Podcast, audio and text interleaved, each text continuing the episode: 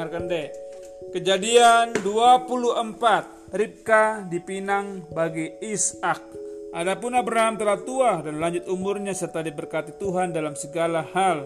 Berkatalah Abraham kepada hambanya yang paling tua dalam rumahnya, yang menjadi kuasa atas segala kepunyaannya, katanya, Baiklah, letakkan tanganmu di bawah pangkal pahaku, supaya aku mengambil sumpahmu demi Tuhan, Allah yang mempunyai langit dan yang mempunyai bumi, bahwa engkau tidak akan mengambil untuk anakku seorang istri dari antara perempuan kanaan yang di antaranya aku diam.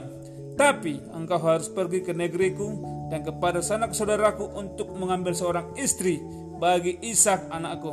Lalu berkatalah hambanya itu kepada akunya, mungkin perempuan itu tidak suka mengikut aku ke negeri ini. Haruskah aku membawa anakmu kembali ke negeri di mana Tuanku kembali keluar? Tapi Abraham berkata kepadanya, awas, jangan kau bawa anakku kembali ke sana Tuhan Allah yang punya langit yang telah memanggil aku dari rumah ayahku serta dari negeri sanak saudaraku dan telah yang berfirman kepadaku. Serta telah bersumpah kepadaku demikian kata kepada keturunanmu lah akan kuberikan negeri ini. Dia juga akan mengutus malaikatnya berjalan di depanmu. Mengutus apa? Malaikat ya. Sehingga engkau dapat mengambil seorang istri dari sana untuk anakku. Tapi jika perempuan itu tidak mau mengikut engkau maka lepaslah engkau dari sumpahmu kepada aku hanya saja, janganlah anakku kau bawa kembali ke sana. Lalu hamba itu meletakkan tangannya di bawah pangkal paha Abraham dan bersumpah kepadanya tentang hal itu. Kemudian hamba itu mengambil 10 ekor berapa ekor diambil 10 unta tuannya dan pergi dengan membawa berbagai barang-barang kepunyaan tuannya. Demikianlah ia berangkat menuju arah Mesopotamia di kota Nahor. Sana suruhnya lah unta itu berhenti di luar kota dekat suatu sumur pada waktu petang pada waktu petang hari waktu perempuan-perempuan keluar untuk menimba air. Lalu berkatalah ia, Tuhan Allah, Tuanku Abraham, buatlah kiranya tercapai tujuanku pada hari ini. Dibilangnya, kiranya tunjukkanlah kasih setiamu kepada Tuanku Abraham. Di sini aku berdiri dekat mata air dan anak-anak perempuan penduduk kota ini datang keluar untuk menimba air. Kiranya terjadilah begini, dibilangnya ya. Anak gadis kepada siapa aku berkata, tolong miringkan buyungmu supaya aku minum dan yang menjawab, minumlah dan untuk unta-untamu akan kuberi minum juga. Dialah kiranya akan kutentukan bagi hambaku Ishak, maka dengan begitu akan kuketahui bahwa engkau telah menunjukkan kasih setiamu kepada tuanku. Sebelum ia selesai berkata, maka datanglah Ribka yang lahir bagi Baruel, anak laki-laki Milka, istri Naor, saudara Abraham. Buyungnya dibawa di atas bahunya.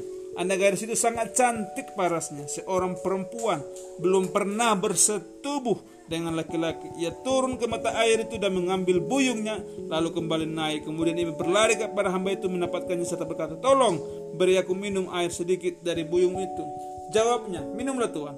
Maka segeralah dituangkannya lah buyung itu ke tangannya serta diberinya dia minum. Setelah ia selesai memberi hambanya itu minum, berkatalah ia, Baiklah untuk unta-untamu juga kutimba air sampai semuanya puas minum. Kemudian segeralah dituangkannya air yang bungnya ke dalam palungan. Lalu berlari sekali lagi ke sumur untuk menimba air dan timbanya untuk semua unta orang itu. Jadi dia kasih siapa?